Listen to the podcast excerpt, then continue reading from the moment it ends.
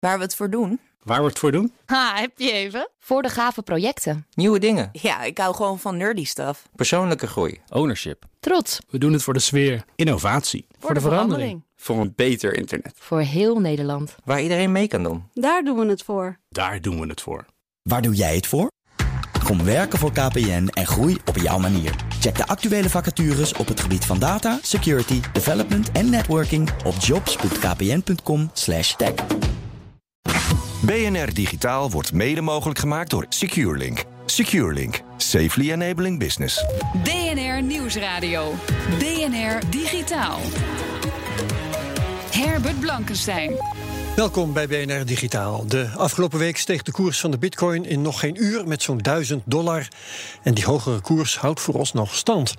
Over de verklaring achter die koersstijging wordt nog altijd gediscussieerd. Maar Bloomberg schuift een mogelijke verdachte naar voren. Algoritmes van hedgefondsen. Mijn gast is Daan Kleiman van Bitonic, een wisselkantoor voor, voor bitcoin. Welkom Daan. En ook bij ons is Koen Krijns, hoofdredacteur van Hardware Info. Hoi, Koen. Ehm, Daan, zo'n eh, koersstijging, eh, is dat iets waar jullie bij Bitonic heel druk mee bezighouden?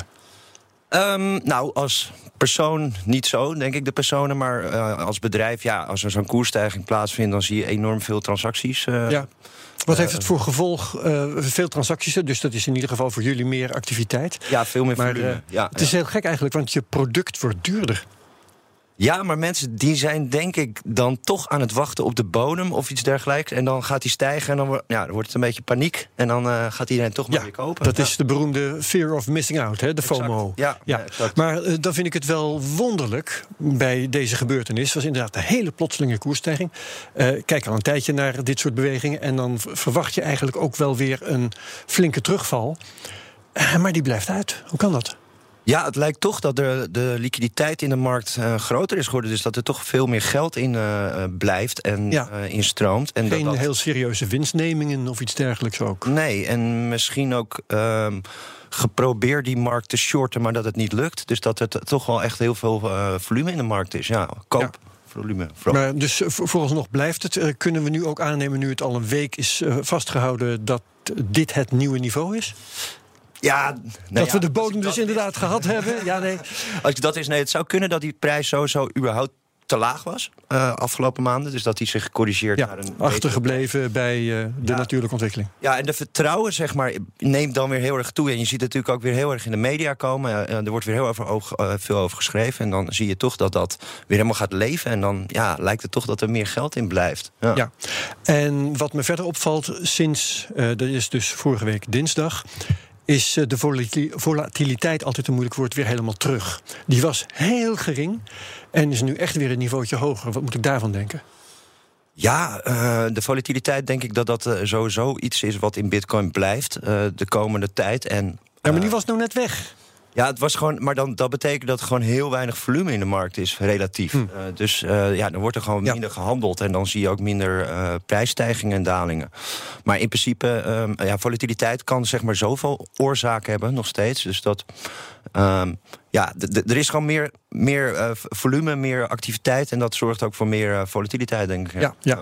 Even kijken naar Koen Krijns. Eh, hardware info. Houden jullie eigenlijk bezig met hardware die betrekking heeft op crypto? Bijvoorbeeld hardware wallets of mining apparatuur, zou me zo maar kunnen voorstellen. Ja, wat, wat voor ons natuurlijk zeker twee jaar geleden echt wel een ding was, was dat die, die videokaarten, de, de onderdelen van de computer die eigenlijk Precies. bedacht waren voor het spelen van games, die werden en masse gekocht voor het eh, minen van cryptocurrency. Tot Ja, aan ook schreeuwend duur. Exact, die werden, gingen echt eh, maal twee, maal drie. Tot natuurlijk die eh, bekende crash begin eh, 2018. En op een gegeven moment was die markt helemaal klaar. Dus toen zagen we ook dat de markt werd overspoeld met tweedehands videokaarten. Van mensen die er vier of vijf hadden gekocht. En op een gegeven moment achterkwamen, nou, eentje is nog genoeg om op te gamen. En die andere vier heb ik niet meer nodig. En sindsdien moet ik zeggen dat de interesse, in ieder geval vanuit de hardwarekant toch echt wel een beetje weg is. Als wij nu artikelen publiceren over hardware om te minen, wordt dat niet meer geweldig gelezen. Dus ik heb wat dat betreft toch het gevoel dat de bitcoin en andere cryptocurrencies nu echt een dingetje meer wordt van, van handelaren, van, van mensen die willen speculeren en met geld bezig zijn. Ja. En steeds minder echt een, een technologisch en een hardware dingetje. Maar het kan zomaar terugkomen natuurlijk als er weer een, uh, een hoos ontstaat. Nou ja, de, de hardware sowieso, de videokaart in bitcoin is sowieso niet lucratief om te meten. Nee, nee, dat, dat ging naar de andere coins. In die tijd gingen zoveel nieuwe coins ontstonden uit het niets. En iedereen dacht dat je daarom met een videokaart snel kon minen en daar rijk van kon worden. En ja, ik denk dat die droom uh, weg is nu en dat, dat het ook dus daardoor niet meer verkocht wordt. Ja. Ja. We gaan even kijken, Daan, naar eh, de mogelijke oorzaak van die plotselinge koerssprong. Bloomberg wijst naar, ja, het is een beetje een ingewikkeld verhaal, maar er zou uh, één partij zijn die via verschillende exchanges bezig was 100 miljoen kwijt te raken. Altijd leuk als je dat hebt liggen. Um, en automatische trades via algoritmen zouden daar een rol bij spelen. Kun jij dat uitleggen?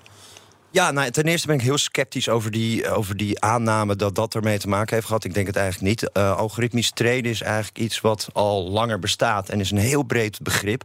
Het betekent gewoon eigenlijk dat je logica in je software stopt en daarmee uh, gaat traden ja. op uh, basis van statistiek, op basis van arbitrage, op basis van. Kan trouwens op allerlei manieren, hè? want je kunt een, je geld aan een fonds geven dat dat doet, maar je ja. kunt ook gewoon zelf een trading bot schrijven, schrijven. Ja. Of, of je kunt ze zelfs online vinden en, en daarop intekenen en ja. die voor jou laten werken. Dus ja. een ja, gewoon consument kan dat ook. Al, ik denk dat het eigenlijk ook wel goed is voor de markt. Dus dat dit soort software wordt ontwikkeld, betekent dat je eigenlijk nou, efficiëntere uh, handelstrategieën gaat krijgen. In plaats Want net als, net als op de beurs is er ontzettend veel automatische handel. Hè? Het is niet zomaar dat dat nu even nieuw is of zo. Nee, dat is helemaal niet nieuw. En uh, wat dat betreft vind ik de reden dat dat voor de prijsstijging heeft gezorgd, nou, uitermate. Uh, ja, grappig. Want, jij jij gelooft daar niet in? Nee, want het is al langer gaande. En ik denk, zeg maar, het zou kunnen dat er bepaalde fondsen zijn die dat aanbieden, waardoor er meer geld instroomt.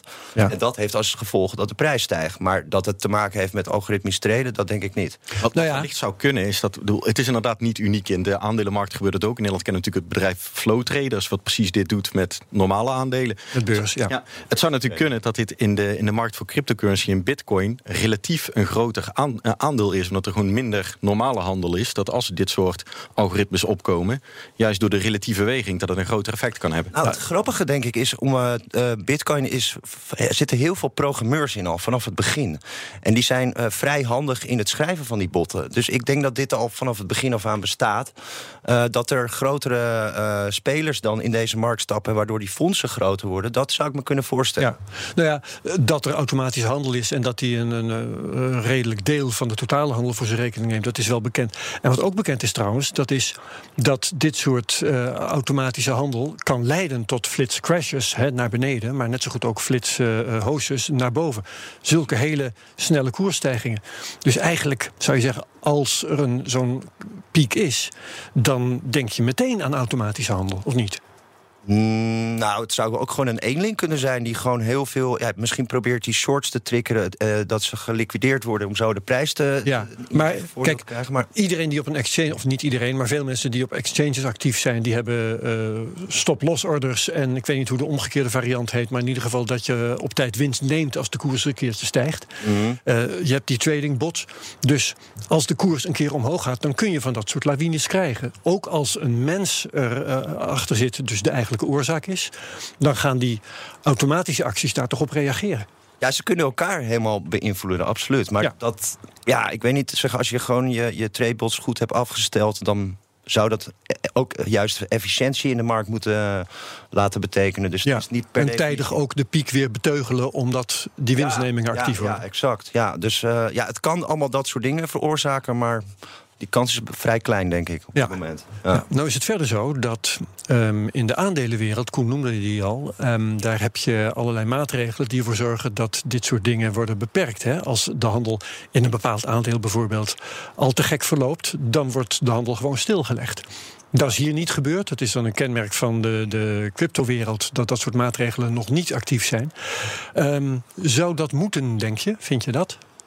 Nee, want ik denk dat het mooie is eigenlijk dat uh, Bitcoin is uh, 24-7, 365 dagen per jaar open. Dat is sowieso een groot verschil met andere markten. Die kunnen ze dichtgooien. Bitcoin kan je gewoon niet dichtgooien. Dat is gewoon niet mogelijk. Uh, wat gewoon uiteindelijk interessant is, is dat er meerdere markten zijn en die elkaar op elkaar reageren. En dat is natuurlijk in de normale wereld ook zo. Maar die zijn nog heel inefficiënt. En dus dit, er moet, zeg maar, denk ik, meer gearbitreerd worden om die markten zeg maar, op elkaar laten, te laten afstemmen.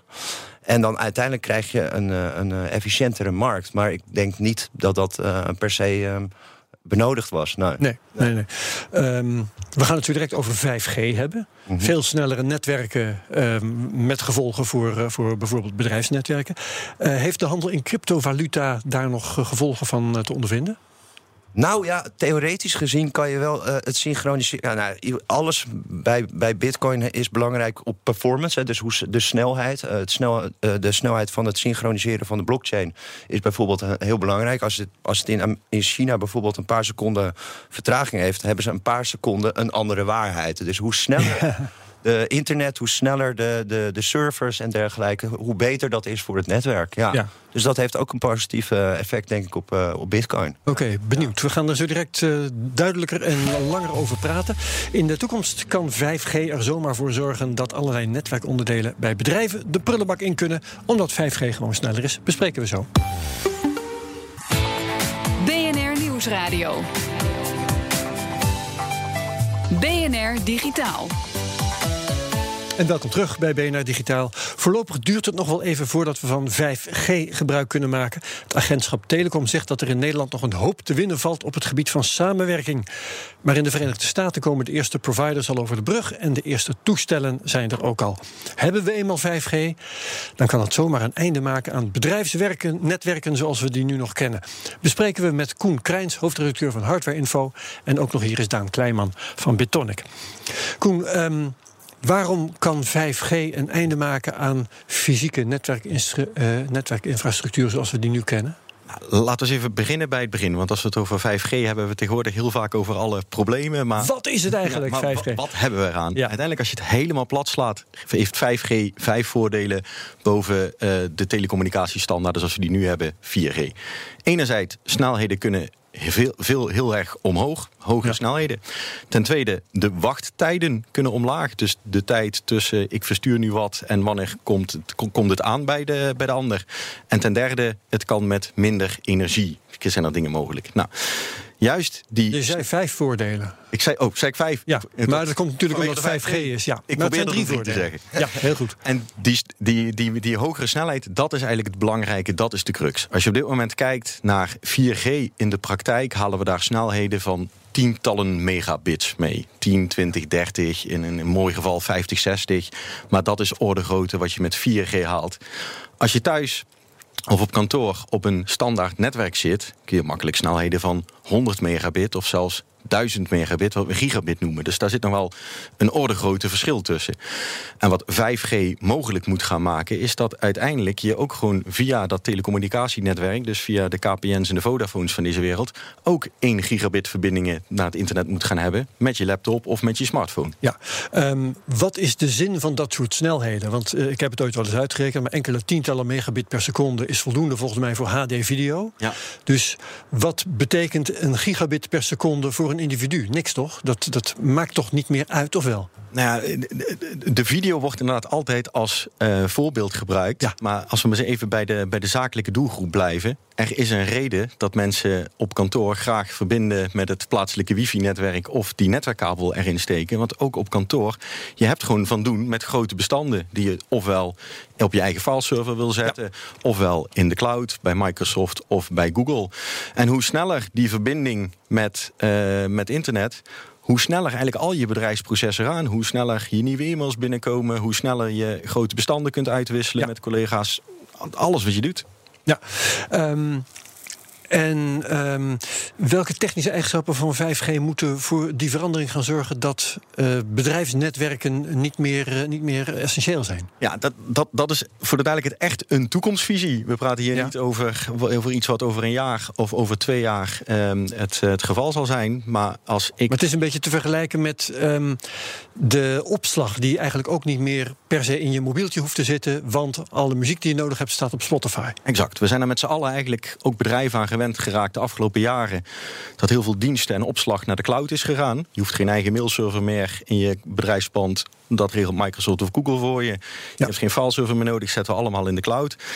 Dit is eigenlijk de vervolgstap. En als, als, als, uh, als ik praat met fabrikanten van laptops, maar bijvoorbeeld ook met fabrikanten van, van de chips die, uh, die, uh, die 5G mogelijk gaan maken, dan zien zij een toekomst voor zich waarbij eigenlijk iedere laptop die je koopt standaard al een 5G-chip aan boord heeft.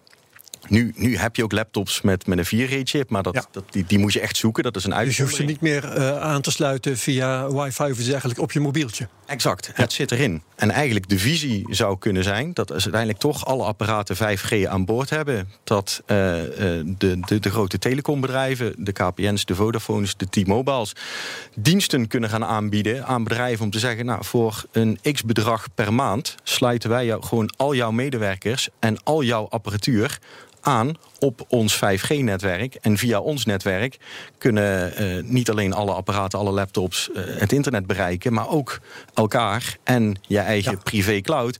Waardoor er dus, als, als die snelheden toch hetzelfde zijn als je, wat je met je bedrijfsnetwerk met, met die kabel en met wifi zou halen, er dus eigenlijk helemaal geen reden meer is om nog een bedrijfsnetwerk fysiek aan te leggen. Ja, en dan gaat alle verkeer gewoon via nou ja, je mobiele provider in plaats van via een server of iets dergelijks. Exact. Binnen Wat voor type bedrijven zullen dat dan als eerste gaan integreren? Want ik zie ons dat zeker niet doen uit veiligheidsoverwegingen. Want- Ja.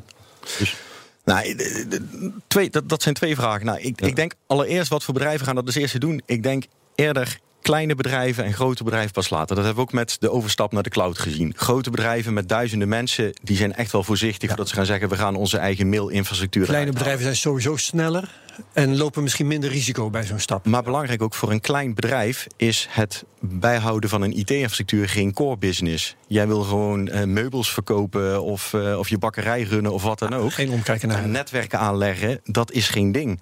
En toen op een gegeven moment de clouddiensten kwamen... zeiden van, u hoeft geen mailserver meer te hebben... en u hoeft niet meer dit. Betaal gewoon 10 euro per maand per gebruiker... en alles wordt geregeld. Dan heb je een hele mooie oplossing voor een bedrijf.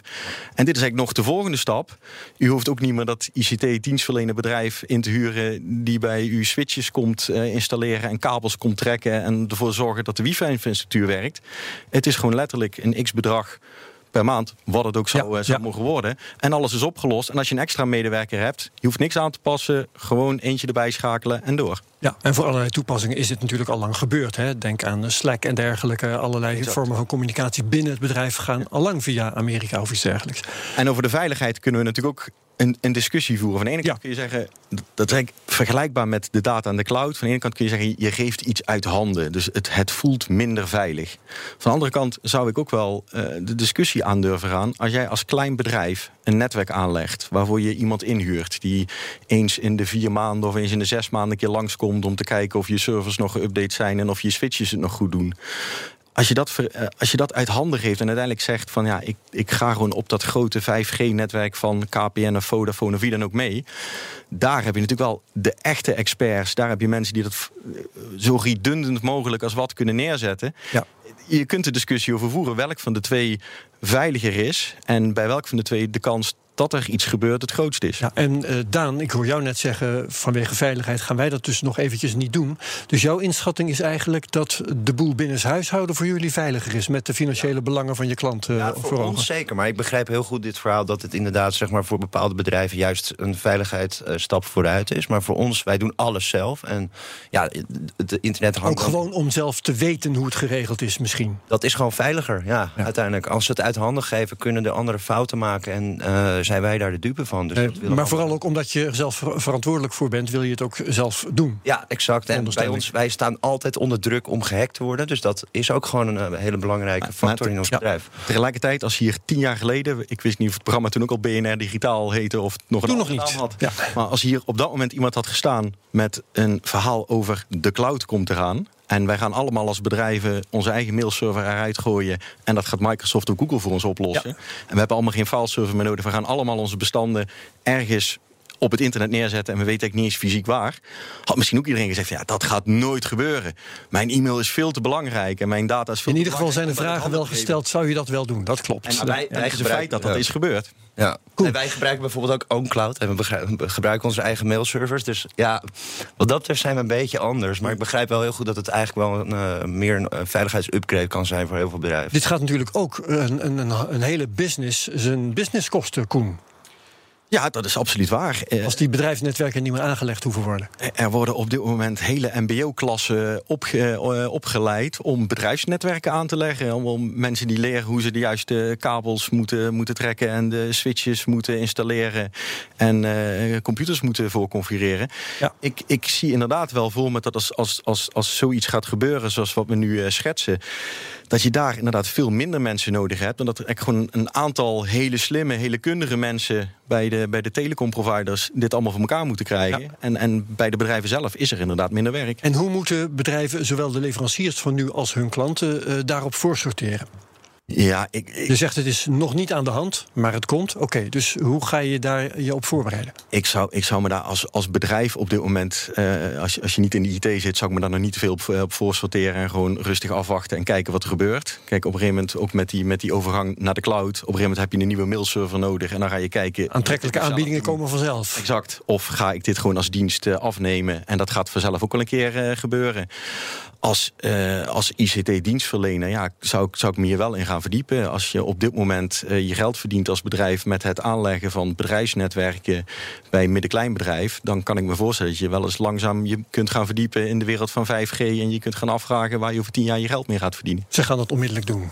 Dankjewel. Koen Keins, hoofdredacteur van Hardware Info. Ook dank aan Daan Kleijman van Bitonic. Tot zover BNR Digitaal. Laat vooral weten wat je van ons vindt. E-mailen digitaal.bnr.nl en op Twitter @bnrtech. Terugluisteren van BNR Digitaal kan via bnr.nl, onze app iTunes, Spotify. Daar vind je ook andere podcasts die ik maak, waaronder bijvoorbeeld Space Cowboys over ruimtevaart en sterrenkunde. Wat BNR Digitaal betreft, heel graag tot volgende week. Dag. Ook Harm Edens vind je in de BNR-app. Je kunt BNR Duurzaam niet alleen live luisteren in de app, maar ook terugluisteren als podcast, zoals al onze podcasts. En naast dat de BNR-app Breaking News meldt, houden we je ook op de hoogte van het laatste zakelijke nieuws. Download nu de gratis BNR-app en blijf scherp.